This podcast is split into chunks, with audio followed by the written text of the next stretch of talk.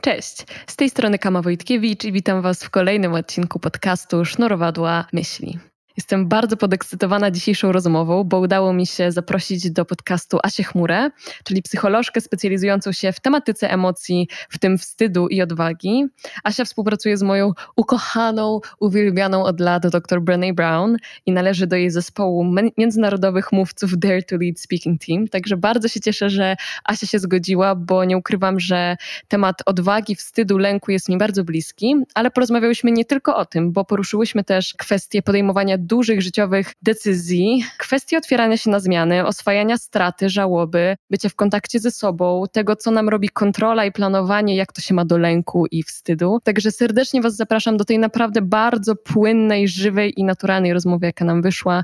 Asia jest niezwykle kompetentna, a przy tym bardzo ciepła i taka ludzka w tym, jak opowiada o emocjach, więc jeszcze raz bardzo się cieszę, że, że udało mi się zaprosić Asię, a Was zapraszam serdecznie do odsłuchu tej rozmowy. Jak zwykle kłaniam się nisko wszystkim patronom i matronkom, którzy wspierają mnie na Patronajcie. Jeżeli ktoś z Was chciałby jakkolwiek wesprzeć mój podcast i jego rozwój, to wiecie, gdzie mnie szukać. Patronite jest najlepszą formą wsparcia na ten moment, także zapraszam Was i odsyłam do linku w opisie tego odcinka. A tymczasem zapraszam do odsłuchu rozmowy.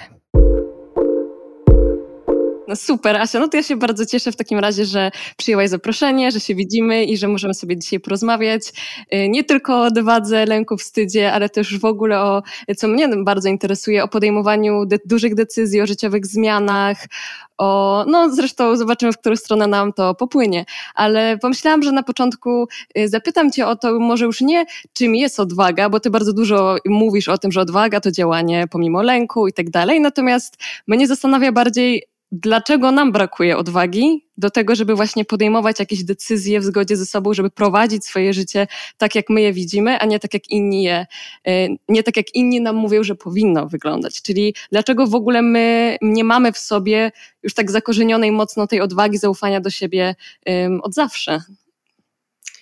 E, I przez my mówisz my ludzie, czy my tak, kobiety? Tak, tak. Nie, my jako ludzie mhm. na razie, tak. Ludzie. E, wiesz co, to, to, to, jest bardzo dobre pytanie i odpowiedź jest bardzo złożona, bo to zależy, odpowiedź jak rasowy psycholog. Zależy od tego trochę, w jakich domach wychowaliśmy się. I y, wielu z nas i wiele z nas niestety wychowało się w domach, w których, znaczy niestety albo niestety, no bo też trudno utyskiwać na wcześniejsze pokolenie, które też nie miało od wcześniejszego pokolenia czegoś. Ja to tak się śmieję, że możemy utyskiwać, że nie dostaliśmy tego E, nie wiem, tego, tej umiejętności, takiego odważania się e, w większej liczbie osób, że to są tylko jednostki, a potem my się musimy tego uczyć.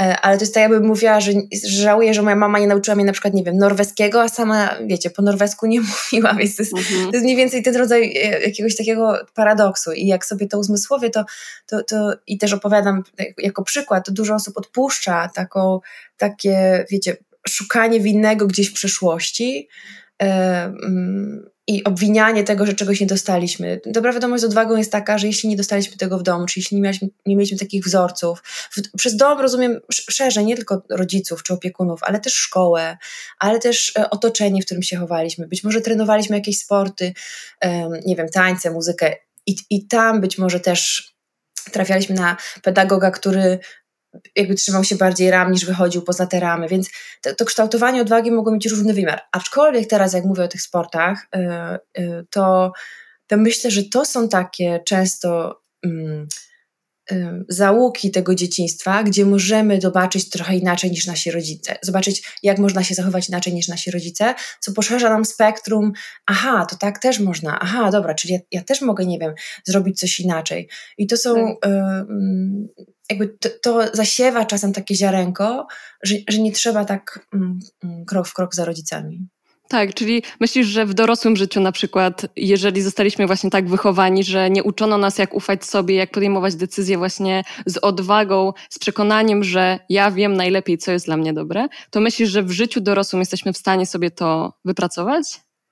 Yy, nie, była, nie, byłabym, nie, byłabym, y, nie byłabym w tym miejscu, w którym jestem, gdybym nie wierzyła w to, że to jest możliwe, bo sama, bo, bo sama jestem tego mm, dla siebie jakimś takim dowodem, bo y, ja w ogóle jak pamiętam y, swoją ścieżkę, to było tak, że, że byłam bardzo odważną dziewczynką, taką, wiecie, występującą, ja, ja, właśnie trenowałam tańc towarzyski, więc na imieninach to Asia nam zatańczy, Asia zaśpiewa, na akademiach występowałam. Taką miałam odwagę, wiecie, taką, jak nie wiem, taką recidalową, nie wiem jak tak, to dobrze nazwać. Tak, taką estradową. E, mhm. estradową, tak. E, ale potem jakby coś się takiego wydarzyło w tej nastoletniości, że w ogóle kompletnie to jakoś... E, chciałam powiedzieć umarło, ale widocznie nie umarło, tylko poszło spać, a potem to się obudziło. E, I potem stopniowo, stopniowo jakby odzyskiwałam kontakt z tym, no ale to, to rozwinięte w dzieciństwie i tak było małe na dorosłość, więc y, jakby i tak musiałam to, znaczy musiałam, chciałam to rozwijać. Więc jestem dowodem na to, że to się da, e, a, a jeszcze do tego dochodzi Brené Brown, która mówi, że to jest w ogóle umiejętność, którą się rozwija, więc, więc to jest dobra wiadomość dzisiejszego dnia dla tych, którzy nas będą słuchać, że to można rozwinąć. Mhm. Okej, okay. można powiedzieć, że to jest taka kompetencja wręcz, wydaje mi się. Tak, tak. Tak, tak ale ciekawe jest... Takich, tak. takich tam subkompetencji, ale, ale tak, że to jest umiejętność, którą można rozwijać. Mhm. No i ciekawe jest to, że jakby to jest, wydaje mi się być takie bardzo nieintuicyjne, że my jakby bardzo polegamy na opinii innych ludzi i zakładamy w naszych działaniach czy decyzjach, że wiesz, że inni ludzie wiedzą lepiej, co jest dla nas dobre, a nie na sobie. Jakby nie uważasz, że to jest zupełnie nie, jakby mhm. coś się takiego stało, co poszło nie tak kulturowo, że my jesteśmy nienauczeni tego, żeby ten głos wewnętrzny nami kierował bardziej niż głos zewnętrzny. Wiesz co, nie wiem czy kulturowo, trochę ewolucyjnie, my, my potrzebujemy mhm. przynależeć. Ja nawet wczoraj miałam taką okay. rozmowę, bo tam przygotowuję e, jakieś tam e, nagranie, e, taki film, intro o mnie. Mm -hmm. I ta dziewczyna, z którą nad nim pracuję, ona mi wysyła te, te prototypy tam już po, posklejanych scen i, e, i ja, ja, i to jest chyba smutne, co powiem, a z drugiej strony tak sobie odkryłam e, swój sposób na, na to, co powiedziałaś, na tą pułapkę, którą wpadałam, że ja E, nie, nie chcę pokazać tego filmu jeszcze nikomu, dopóki ja nie będę jakby czuła, że to jest ta wersja, którą ja chcę mieć, bo boję się, bo ja mam taką skłonność, że jak ja zacznę to pokazywać, to jak ludzie, jak to ludzie mają swój filtr i będą mówić przez swoje filtry i ja wtedy myślę, a nie, ma rację, aha, dobra, to nie, to trzeba tak, aha, rzeczywiście. I ja się tak. boję zgubić najpierw to, tą, swoją, tą swoją oś. Po tym, jak, jak, to, jak to powstanie, to jeszcze pewnie będzie można wprowadzić jakieś drobne zmiany. Natomiast Natomiast ja, ja po prostu tak wykwiniłam, że z, tej, z, tej, z, tych pułapek, które wpadałam tak długo, bo ja, bo ja bardzo długo mm, jakby zawieszałam się na, na pomysłach, na przekonaniach, na ideach innych osób. I nie dlatego, że nie miałam swoich, tylko tak strasznie, tak sobie wymyśliłam i tak często dużo osób wymyśla, jak, jak potem z nimi pracuję, że jak, jak będę myślała tak samo jak ktoś, to będę bardziej lubiana, akceptowana. I trochę to się sprawdza. W sensie to jest tak, tak. że lubimy osoby podobne do nas. Lubimy mhm. muzyki, znaczy e, muzykę, która jest, jest podobna do tego, jak, jakby co nam się podoba. Jak każdą kolejną piosenkę lubimy, jak się, jak się wpisuje w jakiś kanon. No ale to mi kosztowało i to kosztuje nas, tą oryginalną tożsamość często.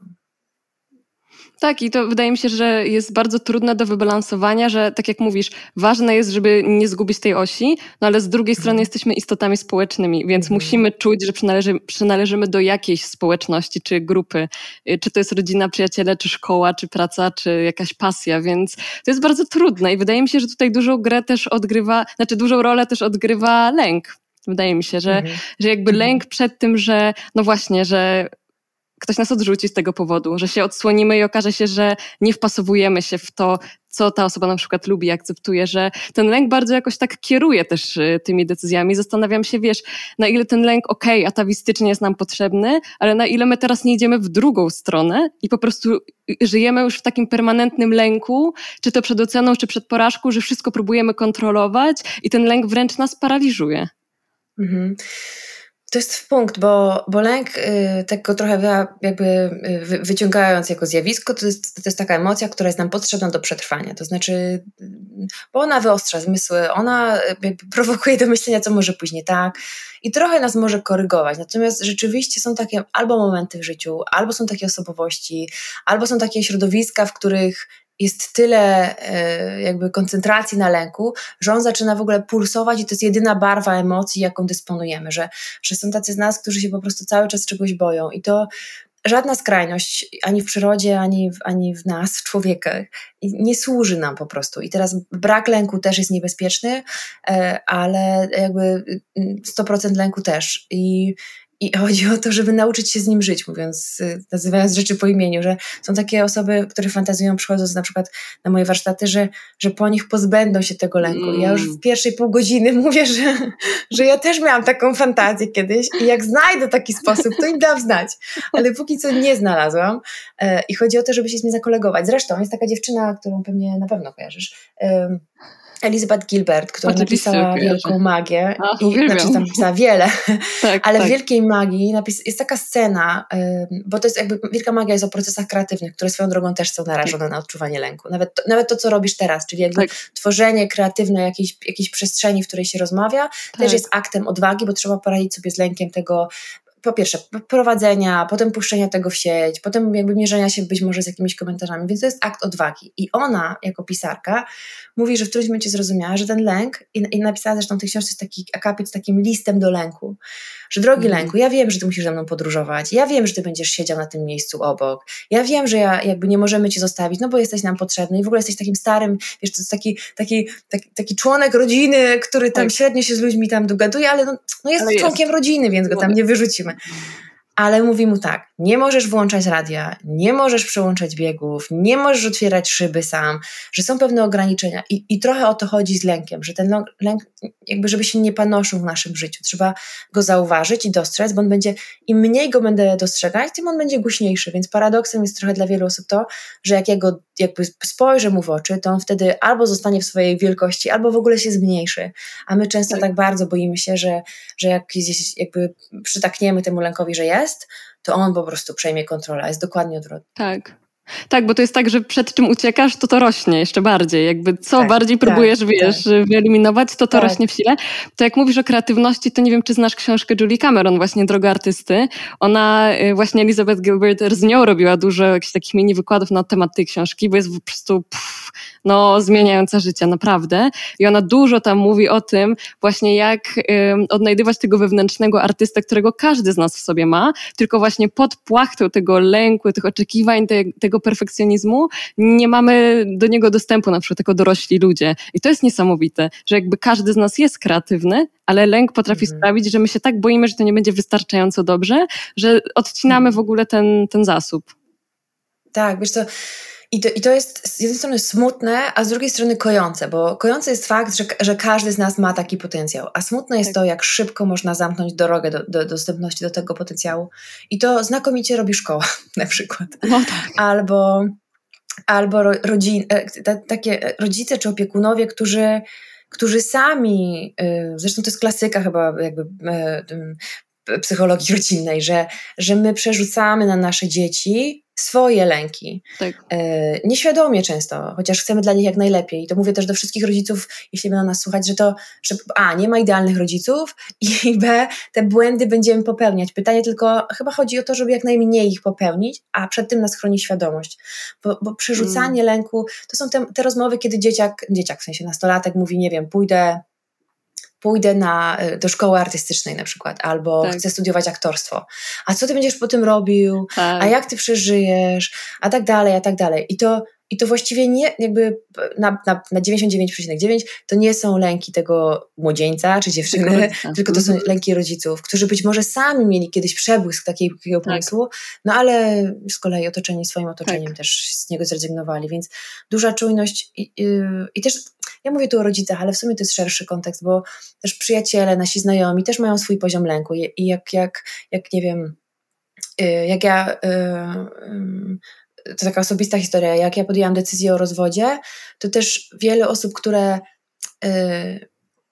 których taka decyzja w, ogóle jakby jest prowokująca dużo niepokoju, zadawała mi najczęściej pytanie, czy się nie boję. A mhm. osoby, które, y, które by, były w związkach i w ogóle nie miały tej historii rozwodowej, ale, ale znam je na tyle długo, że wiem, że ten poziom lęku nie, jakby jest taki, no taki, nie wiem, powiedzieć taki w normie, o ile norma mhm. istnieje, to w ogóle nie zadawali takich pytań. Tak. I to też jest ciekawe, że to, że to pytanie jest bardziej opytającym niż o, o tak. to, kto powiedzieć. Tak, to w ogóle się mówi, że jakby to, co inni ludzie y, mówią do nas, albo to jacy są na przykład są zdenerwowani, no to to rzadko kiedy jest o nas. Wiesz o co chodzi, że to, to zazwyczaj jest o tym, co się dzieje u nich w tym świecie wewnętrznym. I to jest niesamowite. Ale wiesz, lęk też się, i to o czym mówimy, kreatywność, odwaga, to wszystko się pięknie łączy z odsłanianiem się i z tym pięknym słowem vulnerability, którego nie da się przetłumaczyć na polski, oprócz podatności na zranienie, co jest jakoś totalny, totalnie kwadratowe. Tak, ale wiesz, to odsłanianie się wydaje mi się być bardzo istotne właśnie ym, w tym, że nie ma do końca chyba odwagi bez tego odsłonięcia się. Że nie można być odważnym, ale być w masce i być w pancerzu, tylko chyba trzeba się liczyć trochę z tym, że, że może nas ktoś w tym zranić albo możemy popełnić błąd. Tak ja to czuję, ale nie wiem, jak ty to widzisz. Y, wiesz co, mm, mm, no to jest taka e, transakcja wiązana, to jest jak takie, e, jest takie są takie promocje, czasem jak jeszcze przed COVID-em gdzieś jeździłam za granicę, to było buy one, get one free, że, jak, że, że, że z tą odwagą to tak jest, że jak, jak kupujesz sobie odwagę, czy chcesz mieć więcej tej odwagi, to musimy się liczyć z tym, że, że będziemy się narażać, bo może to jest jakieś ułomne, ale jednak zbliżenie do słowa vulnerability, czyli jakby odsłaniać się i narażać się i na piękno, i na cudowne rzeczy, bo to też o to chodzi.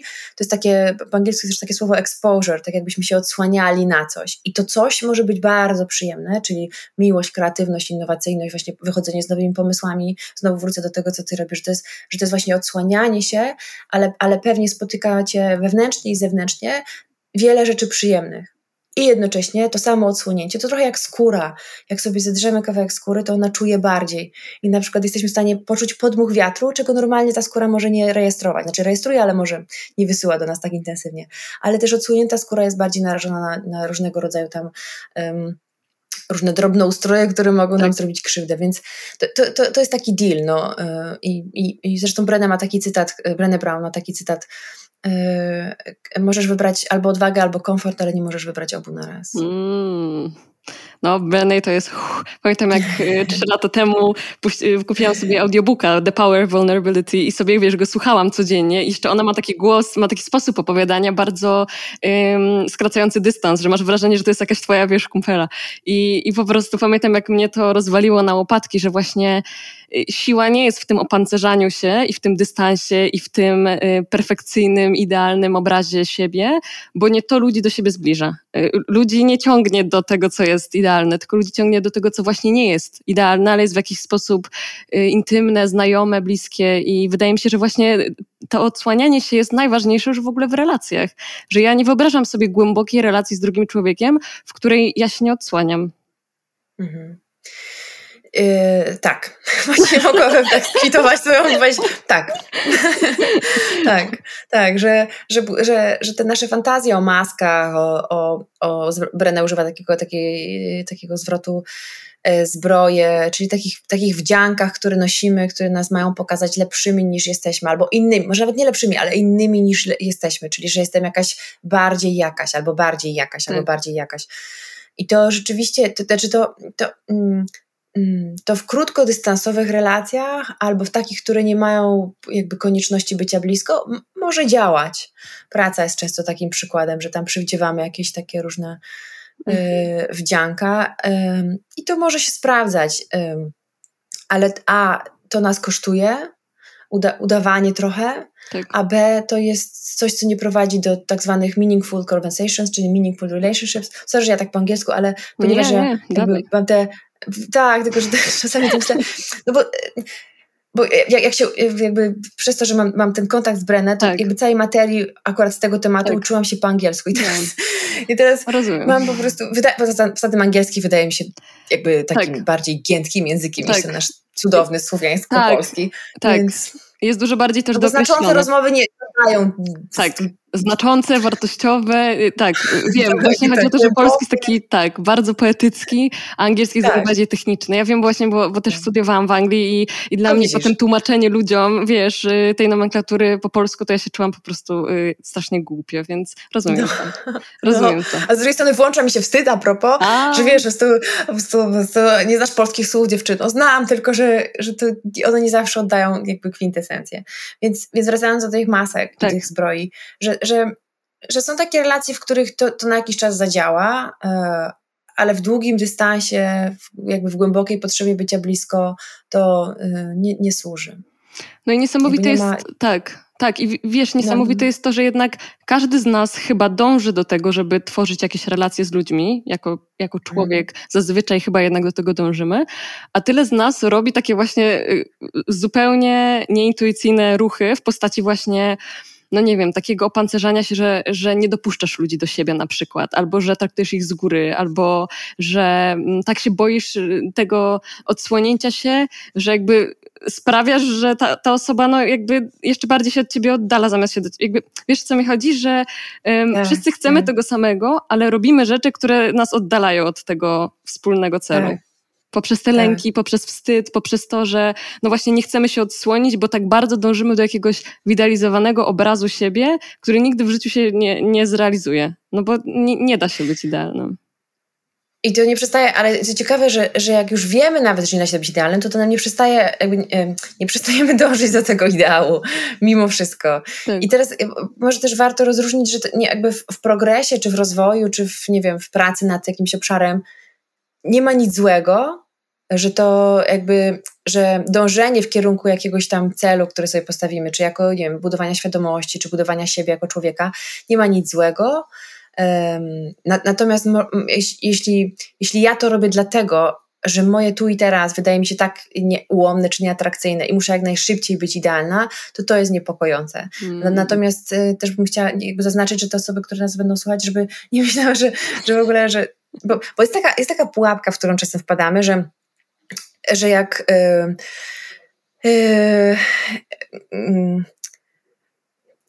że jest albo albo, czyli albo się będę rozwijać, albo muszę zaakceptować siebie taka, jaka jestem. A właśnie całe piękno i trudność tego rozwoju polega na tym, że ja jednocześnie, jak mówił Carl Rogers, jak zaakceptujesz to, jak jest, to dopiero jakby zapraszasz siebie i swoje wnętrze do zmiany, że punkt startu musi być akceptacją, żeby w ogóle zmiana była możliwa. Bo dużo osób się boi, że jak zaakceptuje siebie takim, jakim jest teraz, to, no to utkną w takim schemacie, tak. czy w jakiejś takiej rdzy. Tak. Hmm. Niesamowite. No tak, no, no, tak, no tak. I to kreuje ci też takie no. poczucie, że takie, takie poczucie bycia niewystarczającym w sumie, no bo jeżeli nie zaakceptujesz tego, jak jest, no to ty ciągle dążysz do jakiejś zmiany albo rozwoju, ale ty nigdy w sumie nie jesteś ukontentowany z tym, jak jest teraz. Więc nawet jeżeli ty się rozwiniesz, to ty i tak będziesz ciągle dążyć do kolejnej, kolejnej i ucieka ci to, y, to życie, ta satysfakcja jakakolwiek z tej zmiany. Dokładnie, dokładnie. A poza tym to jest bardzo smutne miejsce, jak cały czas jesteś w jakimś dążeniu do czegoś. Mm. E, e, bo jeśli jesteś.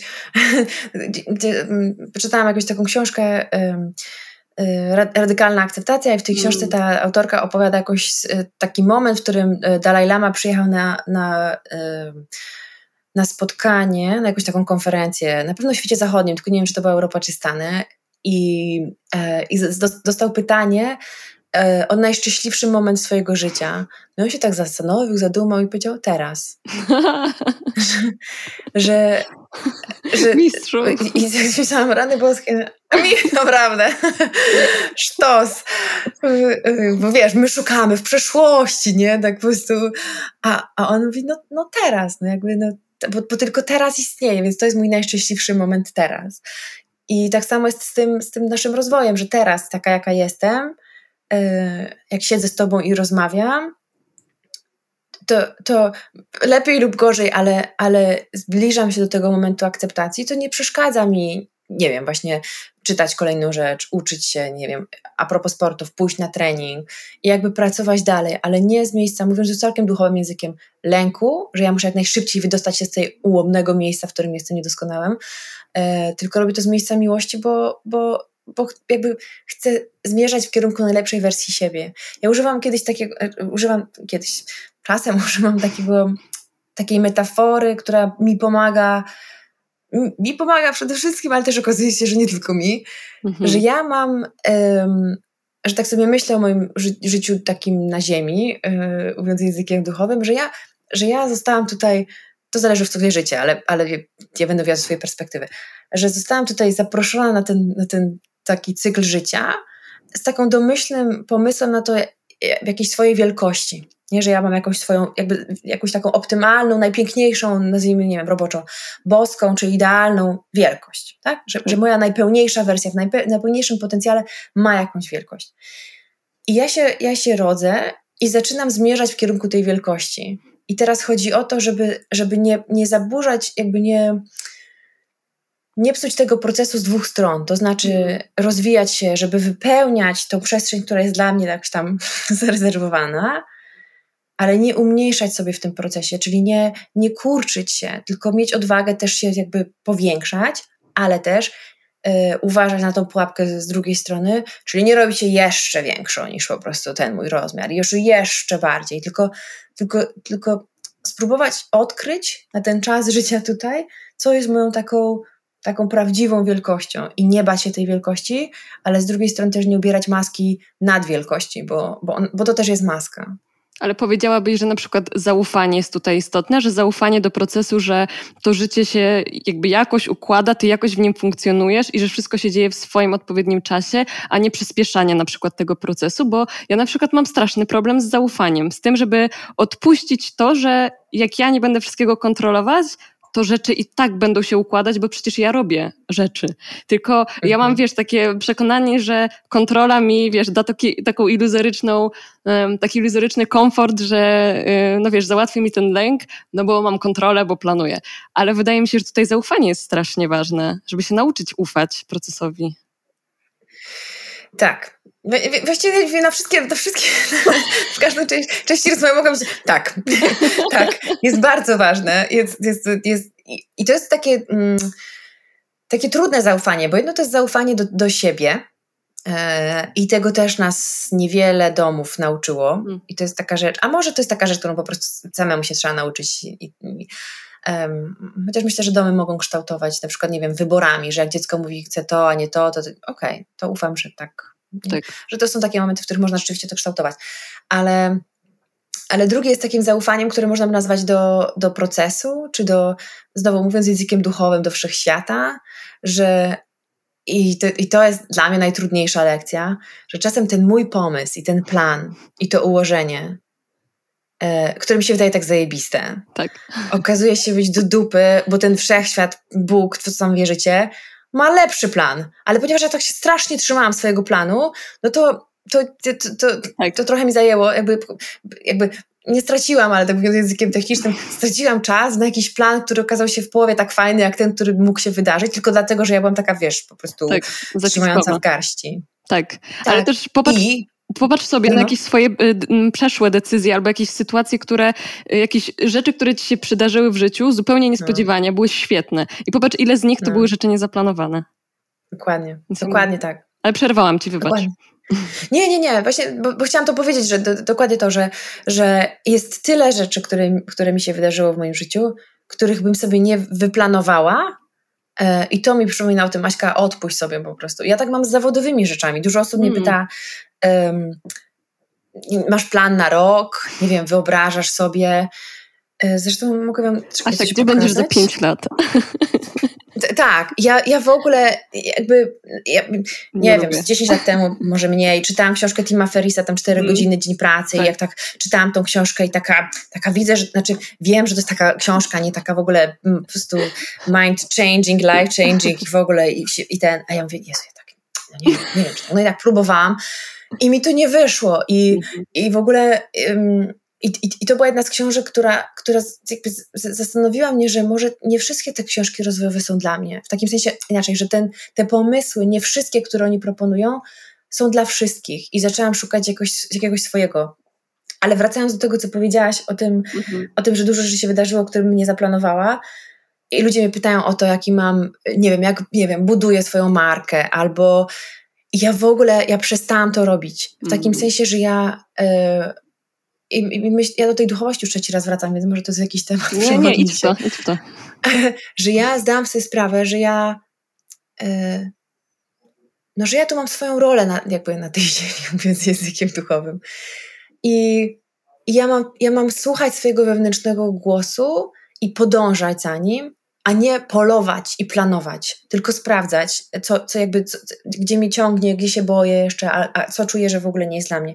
I chcę Wam pokazać, bo to może nie jest przypadek, że leży tutaj akurat ten zeszyt, mhm. że jedyne, co ja robię, e, znaczy jedyne w sensie strategii, to ja mam taki zeszyt, nie wiem, czy nazwać zeszytem marzeń, mhm. może marzeń, w którym ja sobie jakiś, nie wiem, ile to było lat temu, wy, wy, wyzdjęciowałam i wypisałam osoby czy firmy, które mnie inspirują i które mnie jakoś intrygują i które mają coś, co ja bym chciała jakby reprezentować sobą, nie w całości, mhm. ale są takie elementy. E, I po tym zaczęłam rozpoznawać, e, jakby przez skolażowanie, mm. co ja bym, jakby w którą, jakby, mm, jaka ja bym chciała być w tożsamości swojej zawodowej. Okay. I, teraz, I teraz a propos vulnerability, to jest taki wam, wam pokażę, pierwszy raz, pierwszy raz w ogóle to pokazuję komukolwiek, ale na przykład mam, tak, mam, mam, mam Beyoncé, którą wiele osób wie, że ja kocham i wypisałam sobie rzeczy, za które ją kocham. Oczywiście mm -hmm. jej nie znam jeszcze, mm -hmm. ale, jeszcze. ale jakby filtruję, myślę sobie, jaka ona jest. I tak. jakby część rzeczy artystycznych no widzę, więc, więc trochę wnioskuję, więc, tak. więc mam więc mam na przykład to, że ona przełamała konwencję i była pierwszą chyba e, kobietą na festiwalu w Glastonbury, w, w, e, jakby śpiewającą, więc myślę, że jest w tym mhm. coś mnie intryguje. Może nie, nie bycie pierwszą kobietą gdzieś, ale, ale bycie jakimś takim misfitem, który akurat już fituje, nie? Mhm. już pasuje gdzieś. Tak. Potem mam Farela Williamsa, którego kocham, za jego w ogóle taką twórczość, historię powstania piosenki Happy i to też mnie mm. jakoś tak intryguje.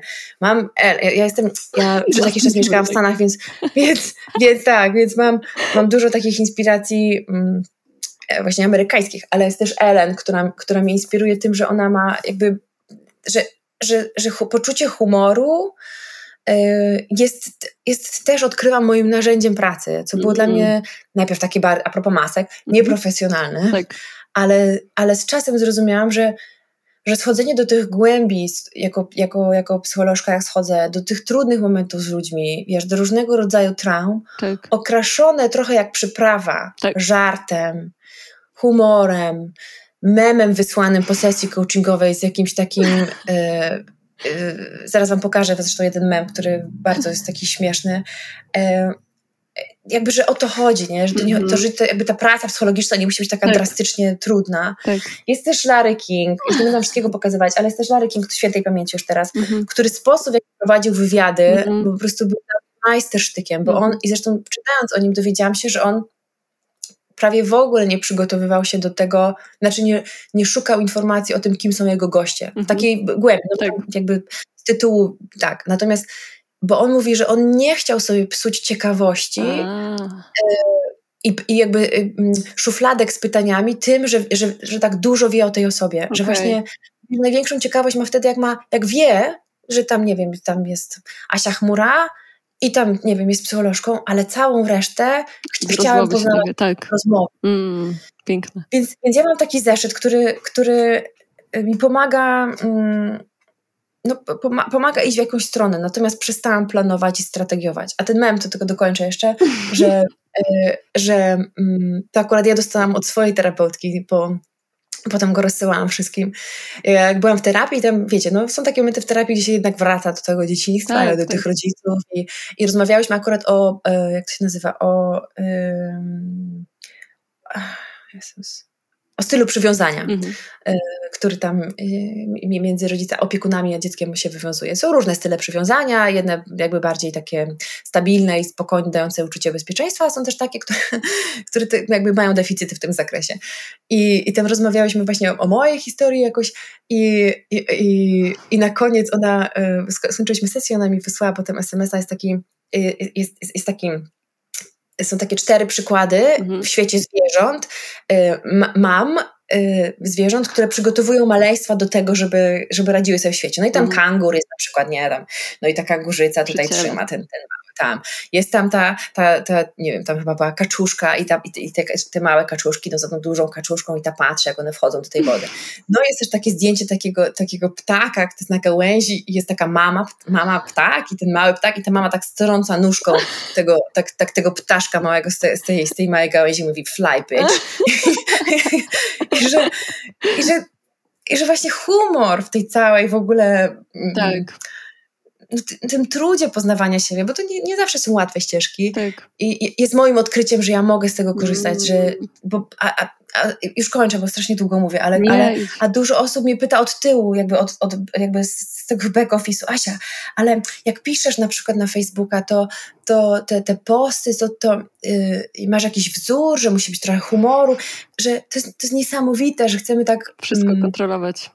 No, mieć taki przepis na to. Mm. A, a moim zdaniem, yy, moim zdaniem yy, znaczy moim zdaniem, no to jakby mi się to sprawdza, to dlatego mówię moim zdaniem, że, że ja im mniej myślę o tym jak, tym, tym lepiej piszę, hmm. czy lepiej tam tworzę. No tak, bo pewnie jakby wychodzisz bardziej z pozycji takiego serca, można powiedzieć, czy intuicji, że robisz rzeczy tak poczuciowo, a mniej tak, tak, intelektualnie, że wiesz, że wszystko masz w garści. Ale wiesz, to znowu, moim zdaniem to jest lękowe. Ja to widzę po sobie, że ta potrzeba kontrolowania, ona naprawdę wynika z tego, że boisz się, że jak puścisz kontrolę, to że sobie nie poradzisz albo coś pójdzie nie tak i że ta kontrola ci daje taką iluzję, że ona cię uchroni przed tą porażką potencjalną. A to tak, nie jest prawda tak. w ogóle. Co więcej, wyobraź sobie teraz, mówiąc to, um, i, jak wiele osób pewnie rezonuje z tym, co mówisz, ja na pewno, że, że w momencie, w którym i o tym też mówi Brenne zresztą pięknie. I stąd powstała książka Rising Strong, y, po naszemu się jako y, rosnąc siłę. Mhm. I ona mówi, właśnie, gdybyśmy nauczyli się, czyli mieli świadomość, że mam umiejętność radzenia sobie z porażkami, czyli jak mi coś pójdzie nie tak i ta kontrola po prostu y, się nie sprawdzi, to nie chodzi o to, żeby potem mieć jeszcze więcej kontroli, tylko że wolnością naszą wewnętrzną będzie przygotowanie mięśnia radzenia sobie z porażkami. Bo jak masz to trochę jakbyś wiedziała, jakbyśmy wiedziały, że jak mi coś nie pójdzie, to ja wiem, jak sobie z tym poradzić. Tak. A wielu z nas nie wie, jak sobie radzić właśnie z, z, z, emocjami, które towarzyszą porażką, z otoczeniem, które może jakby tak. komentować to, jak tak. nam poszło. A jak ja nauczę się, czy przygotuję się w jakiś sposób, tak sobie z tym radzić, to popełnianie porażek już mnie nie będzie tak paraliżować, bo ja wiem, jak z nich wstać. Tak, i to, o czym mówisz, bardzo się też przekłada na sport, bo ja teraz chodzę na ściankę wspinaczkową i mam ogromny też lęk, wiesz, wysokości. I właśnie nasz trener mówi, że masz się nauczyć, dosłownie twoją pracą domową jest wchodzenie i specjalnie spadanie, żebyś ty się nauczyła spadać, żeby to cię nie y, hamowało przed, bo będziesz spadać. Nie możesz, jak tak. on to powiedział ostatnio, że ludzie, którzy chodzą na basen nie oczekują, że się nie zmoczą, prawda? Jakby wiedzą, że się zmoczą. Tak samo ty uprawiając ten sport i tak samo to można przełożyć na życie, że spadniesz, po prostu któregoś razu spadniesz, więc to, co możesz zrobić, to przygotować się na ten spadek i wiedzieć, jak spadać bezpiecznie, żeby sobie nie zrobić krzywdy, a nie unikać, tak. wiesz, wchodzenia na samą górę, bo będziesz tak po prostu, za przeproszeniem, zesrana, że spadniesz, że nie wchodzisz w ogóle.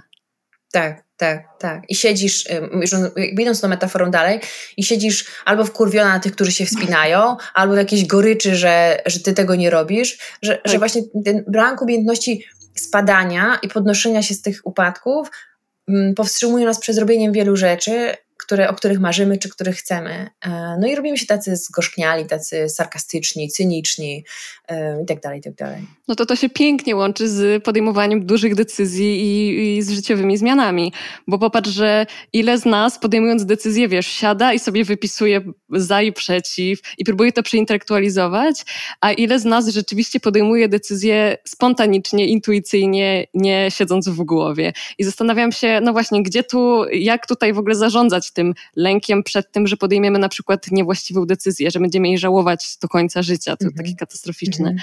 Albo tak. właśnie gdzie tutaj pomieścić no, ten wstyd, że jeżeli ta decyzja będzie zła, no to będziemy postrzegani na przykład jako życiowe porażki, że jak w ogóle, mm -hmm. jak podchodzić do zmian i do podejmowania takich dużych decyzji, jak to wszystko mieścić?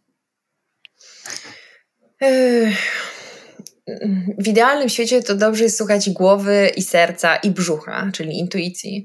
Że to są takie trzy poziomy. Zresztą polecam wam, jest, taka, jest taki człowiek, który się nazywa Alan Seal, którego książkę gdzieś mm, też mamy.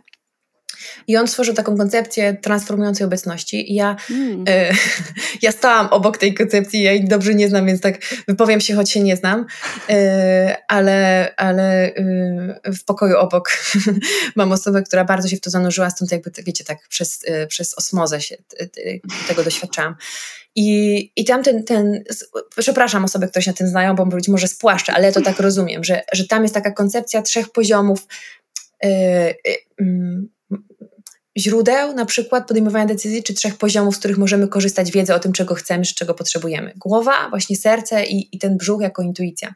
I, I może to jest dla wielu z nas sposób, żeby nie tylko funkcjonować z poziomu głowy, choć to bardzo kuszące i atrakcyjne, bo głowa potrafi wymierzyć, wyważyć tam właśnie za, przeciw, tak. Excel i tak dalej. Ale to w ogóle może nam pomóc wybrać drogę, która w ogóle nie jest naszą drogą.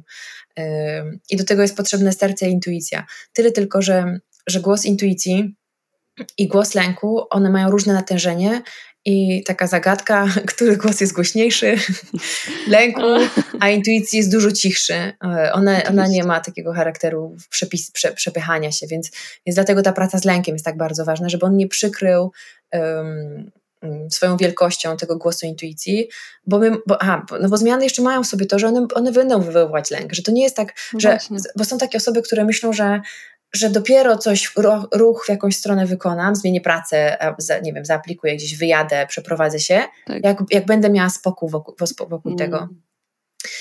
I być może będziecie mieć takie momenty, ale wiele z momentów zmian będzie z tym pasażerem obok, z tym lękiem. I to nie oznacza, że mam nie robić tej, tej, jakby tak. podejmować tej decyzji. To może tylko oznaczać, że, że ona jest dla mnie decyzją, która wywołuje lęk. Tak. Właściwie to jest, to jest tylko o tym. Tak.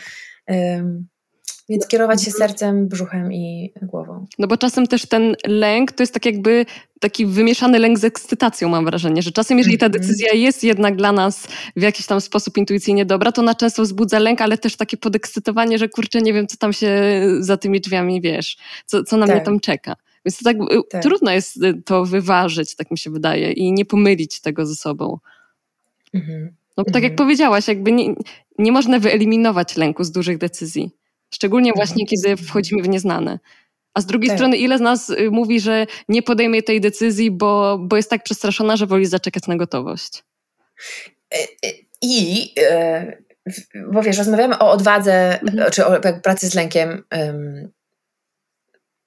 bardzo, bardzo to ważne było, co powiedziałaś, więc też chciałabym, żeby to wybrzmiało, mm. że, że czasem od, odwagą jest nie podjąć jakiejś decyzji, mm. że nie tylko odwagą jest ruszyć. Um, odwagą jest też albo nie ruszyć, albo się zatrzymać, albo w ogóle zawrócić. I o tym się mało mówi, bo dużo mówimy o takiej odwadze.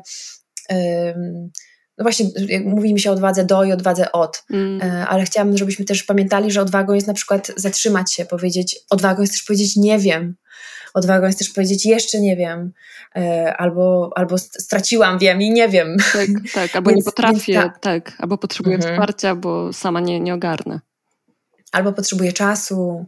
Więc to jest y, też, też chciałabym, żebyśmy myśleli tak szeroko o tej odwadze, że ona nie jest, y, to nie jest tylko, mówiąc językiem fizyki, zwrot w jedną stronę, że, że on może mieć w różne strony ten zwrot. Tak, i to, co mówisz, też mi się kojarzy z jakby moim własnym jakimś procesem terapeutycznym, w którym właśnie tak, takie słowa usłyszałam od, od terapeutki, że y, no właśnie czasem jakby nie, nie masz w sobie tej odwagi i to jest okej okay, i to, co możesz zrobić, to po prostu odpuścić, bo możliwe, że mhm. na przykład ta odwaga i ten timing się tak zgra, że za miesiąc już będziesz w innym miejscu, więc może czasami siłowanie się, żeby podjąć jakąś decyzję, której ty po prostu nie jesteś w stanie podjąć, bo to jest za duże na ten moment, to to jest okej, okay, żeby się wycofać, bo to jeżeli ta decyzja jest właściwa, to ona wróci do ciebie, tylko że tak, już w tak. innym momencie. Tak, w dojrzalszej formie. Co więcej, może tak być, że, że nie możesz jej podjąć, czy nie potrafisz jej podjąć jednoznacznie, dlatego że czegoś brakuje, w sensie jakieś, jakiegoś wydarzenia, jakiejś osoby, jakiegoś e, czegoś. Yy, i że yy, i że do pełni tej decyzji, no nie mogłaś jej podjąć, bo nie miałaś wszystkiego, czego potrzebowałaś. Potrze i, trzeba cierpliwości, tak. że to się, mówiąc znowu językiem angielskim, unfold, że jakby idąc krok po kroku, jakby to się ukaże tak. y, tobie. I tu wracamy do tematu zaufania, że to są takie trudne momenty, w których, w których świecie, w który jest taki w tempie, zatrzymanie się, czy cierpliwe czekanie, czy wydłużanie jakiegoś procesu decyzyjnego jest mało sexy.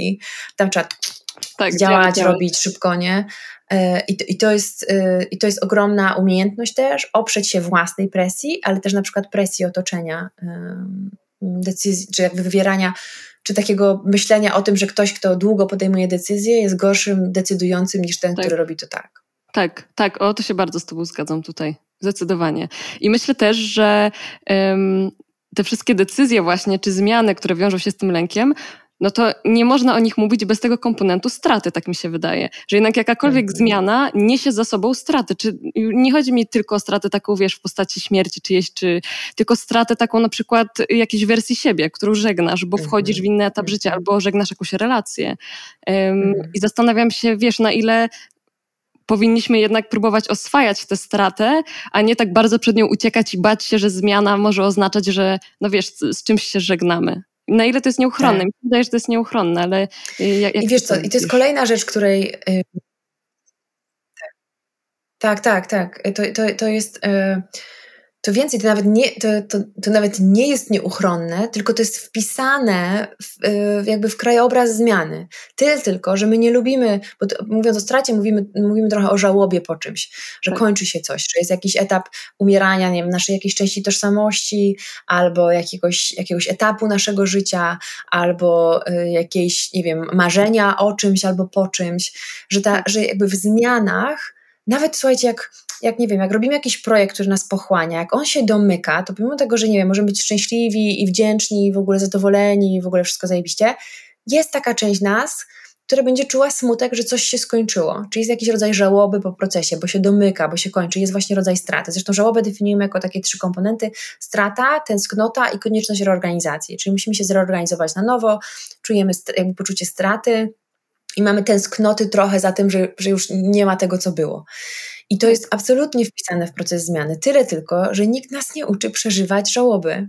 Nikt nas nie uczy, że Asia, to normalne, że będziesz, nie wiem, płakać po udanym projekcie na przykład, nie? Już tak jakby używając bardzo tak. takiego zero-jedynkowego przykładu, że to jest, to jest norma- to jest naturalne. Będziesz czuła smutek, jak będziesz wyjeżdżała, jak będą się kończyły wakacje. Będziesz czuła smutek, jak będzie się, nawet są osoby, które czują smutek, jak się kończy rok szkolny, co brzmi paradoksalnie, tak, ale, tak. ale jednak, nie?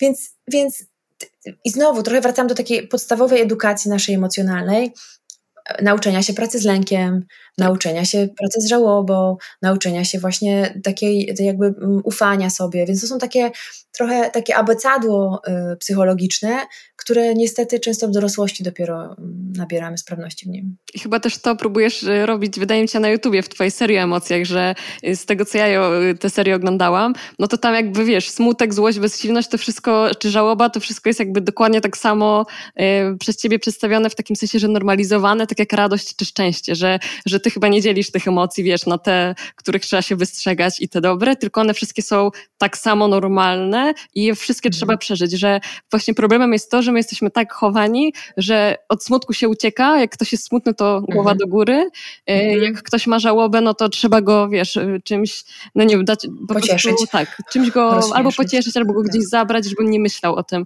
a nie tak. ma w ogóle takiego... Um, no takiej właśnie świadomości, że te emocje muszą się wysycić, żeby one przeszły w kolejną emocję, że, że to tak. zapchanie tej dziury to, to nie działa. Tak. I że nie, właśnie, to jest jeszcze kolejny etap. Nie dość, że nie potrafimy często sami przeżywać tych emocji, to jeszcze nie potrafimy towarzyszyć innym przeżywającym te emocje. Tak. Co wynika jedno z drugiego, bo jak ja potrafię, nie wiem, być w swojej żałobie, to będę łatwiej potrafiła tak. być z kimś w żałobie. Tak. Ale rzeczywiście mamy taką fantazję o tym, że, że towarzyszenie innym, szczególnie w tych nieprzyjemnych emocjach, polega na zabraniu jak najszybszym z tych emocji. Tak. I i jest taka metafora, że to jest trochę jakby ktoś siedział w jakimś, wiecie, ciemnym pokoju, zgaszone światło i przeżywa, choćby weźmy ten smutek. Jest tak. w smutku, to my nie przychodzimy i nie pierdzielamy po prostu światła z każdej, z reflektory z każdej strony. Myślimy, nie, ciesz się, jest w ogóle świetnie, jest w ogóle zajebiście, w ogóle nie, prze, nie przejmuj się, nie, tak. nie tak. martw się, wszystko będzie dobrze. Um, może dla jakiegoś promila czy procenta osób to działa, natomiast dla wielu osób nie działa. Natomiast to, co działa, to jak, tak. jak ty byś była w tym czarnym pokoju, ja przychodzę z małą lampeczką albo z małą świeczuszką, siadam obok ciebie i się pytam, czego potrzebujesz, i ty możesz powiedzieć, wiesz co, potrzebuję, żebyś włączyła za mnie światło. I wtedy to jest ok, albo po, potrzebuję, żebyś jeszcze, żebyśmy jeszcze pobyły w ciemności, albo potrzebuję to tamto, siamto, ale żeby nie mieć takiej fantazji, że ja wiem lepiej, czego ta osoba potrzebuje i co więcej, jeszcze po prostu przewalę, wiecie, przycisk, włączę po prostu światło, całą taką kulę, po prostu disco i w ogóle, no ale czemu się smucisz? Już jest światło, już jest super, tak. już jest po prostu ekstra. Tak, czyli właśnie to jest o tym, że nikt nas nie uczy, wiesz, y, jak być obecnym, tylko nas się uczy, jak znajdować rozwiązania na wszystko, więc jak mhm. ktoś jest w kryzysie, to my zamiast zaoferować swoją obecność, czy spytać, czego potrzebujesz, no to działamy, działamy, szukamy rozwiązania i to, to w ogóle nie jest o tym, tak mi się wydaje. Tak, bo żyjemy w kulturze, którą, które, której sukces mierzy się, ile zrobiłaś, e, a nie e, jaka byłaś. Tak. E, tak. Jak być. Teraz się to zmienia na szczęście, nawet wiesz, znowu dzięki takim, takim seriom, jakie ty tworzysz, że to jakby budujemy świadomość. Natomiast um, nawet na poziomie firm, jak pracuję, jak są systemy ocen, to, to często te systemy ocen żeby było prościej, mierzą po prostu wyniki, tak. ale mało jest, przez, a, dobra, coraz więcej, no, nie mm -hmm. będę tak katastrofizować, bo też widzę tą zmianę, że są systemy ocen, które zaczynają uwzględniać jakby, mm, to, to nie tylko pytają, co zrobiłeś, ale też pytają, czego się przy tym nauczyłeś, co było dla Ciebie najtrudniejsze, tylko że to wymaga czasu, tak. a łatwiej jest wpisać tabelę 7, 3, dobra, no to postęp tam na poziomie 2, jedziemy dalej, tak. niż się zatrzymać znowu i z tym człowiekiem tak. chociażby porozmawiać. Tak, tak. No i wydaje mi się, że w ogóle w środowisku pracy to y, nie wiem, czy ty właśnie współpracujesz głównie z korporacjami, ale y, czy, czy z mniejszymi firmami, ale to jest bardzo, bardzo trudne, jak, jak, jak to jest mocno dehumanizujące czasami, że w ogóle nie ma przestrzeni, wiesz, na, na emocje, na, na takie kryzysy, na, na smutek, tylko jest, wiesz, jest jakaś taka, no właśnie bańka tego, co wypada w pracy, a co nie. I to jest problematyczne. Tak. Super, że to robisz w ogóle. Tak.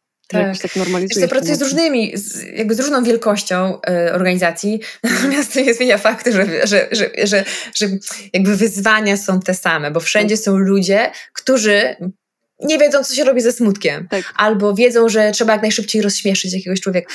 I to, i to i jak się COVID zaczął, to dostawałam takie pytania, Asia, ale ja mówię, słuchaj, aha, że, ci, że ci jakby dowodzący zespołami czy całymi departamentami mówią, Boże, co robić, co robić? Ja mówię, tak jakbyś usiadł z przyjacielem na spotkaniu zespołu o 9 rano, zanim pójdziecie do pracy i macie, zrobicie, zdążycie zrobić wszystkie zadania, to zapytaj, najprostsza rzecz na świecie, w dwóch słowach, dosłownie, w dwóch słowach, dwa słowa, które opisują twój stan teraz, nie? Albo jedno słowo, albo co dzisiaj było najtrudniejsze, albo co było naj, najpiękniejsze. Mówi, no ale ja nie jestem terapeutą. Mówię, to w ogóle nawet nie stało koło terapii. To jest w ogóle, to nawet w ogóle nie mieszkało w kraju obok. Tak. Chodzi o to, żeby, żeby, żeby przez trzy minuty zaakcentować, że jest przestrzeń na to, że każdy z nas ma teraz trochę dość, każdy się zmęczył, każdy tak. jest wkurzony, każdy nie wie co dalej, każdy musiał odwołać 700-500 milionów planów, które miał tak.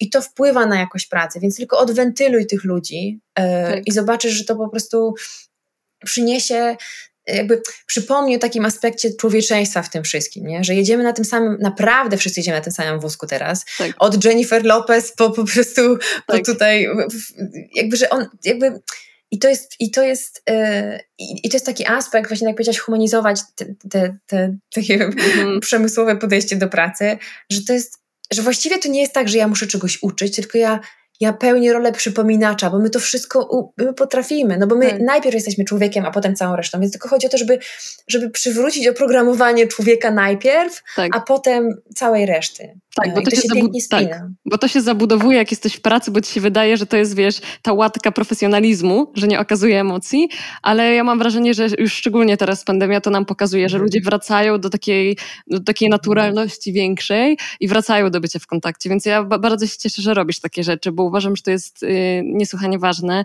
żebyśmy, no właśnie uczyli się przeżywać emocje wszystkie, tak samo mhm. świadomie, tak samo obecnie i, i nie zamiatać ich pod dywan. Także Asiu, bardzo Ci dziękuję za tę rozmowę, świetnie mi się z Tobą rozmawiało. E, bardzo się cieszę, że są tacy ludzie jak Ty, którzy popularyzują taką wiedzę i, i dzielą się z sobą w internecie i, i dalej. E, no i dziękuję za Twoją obecność dzisiaj.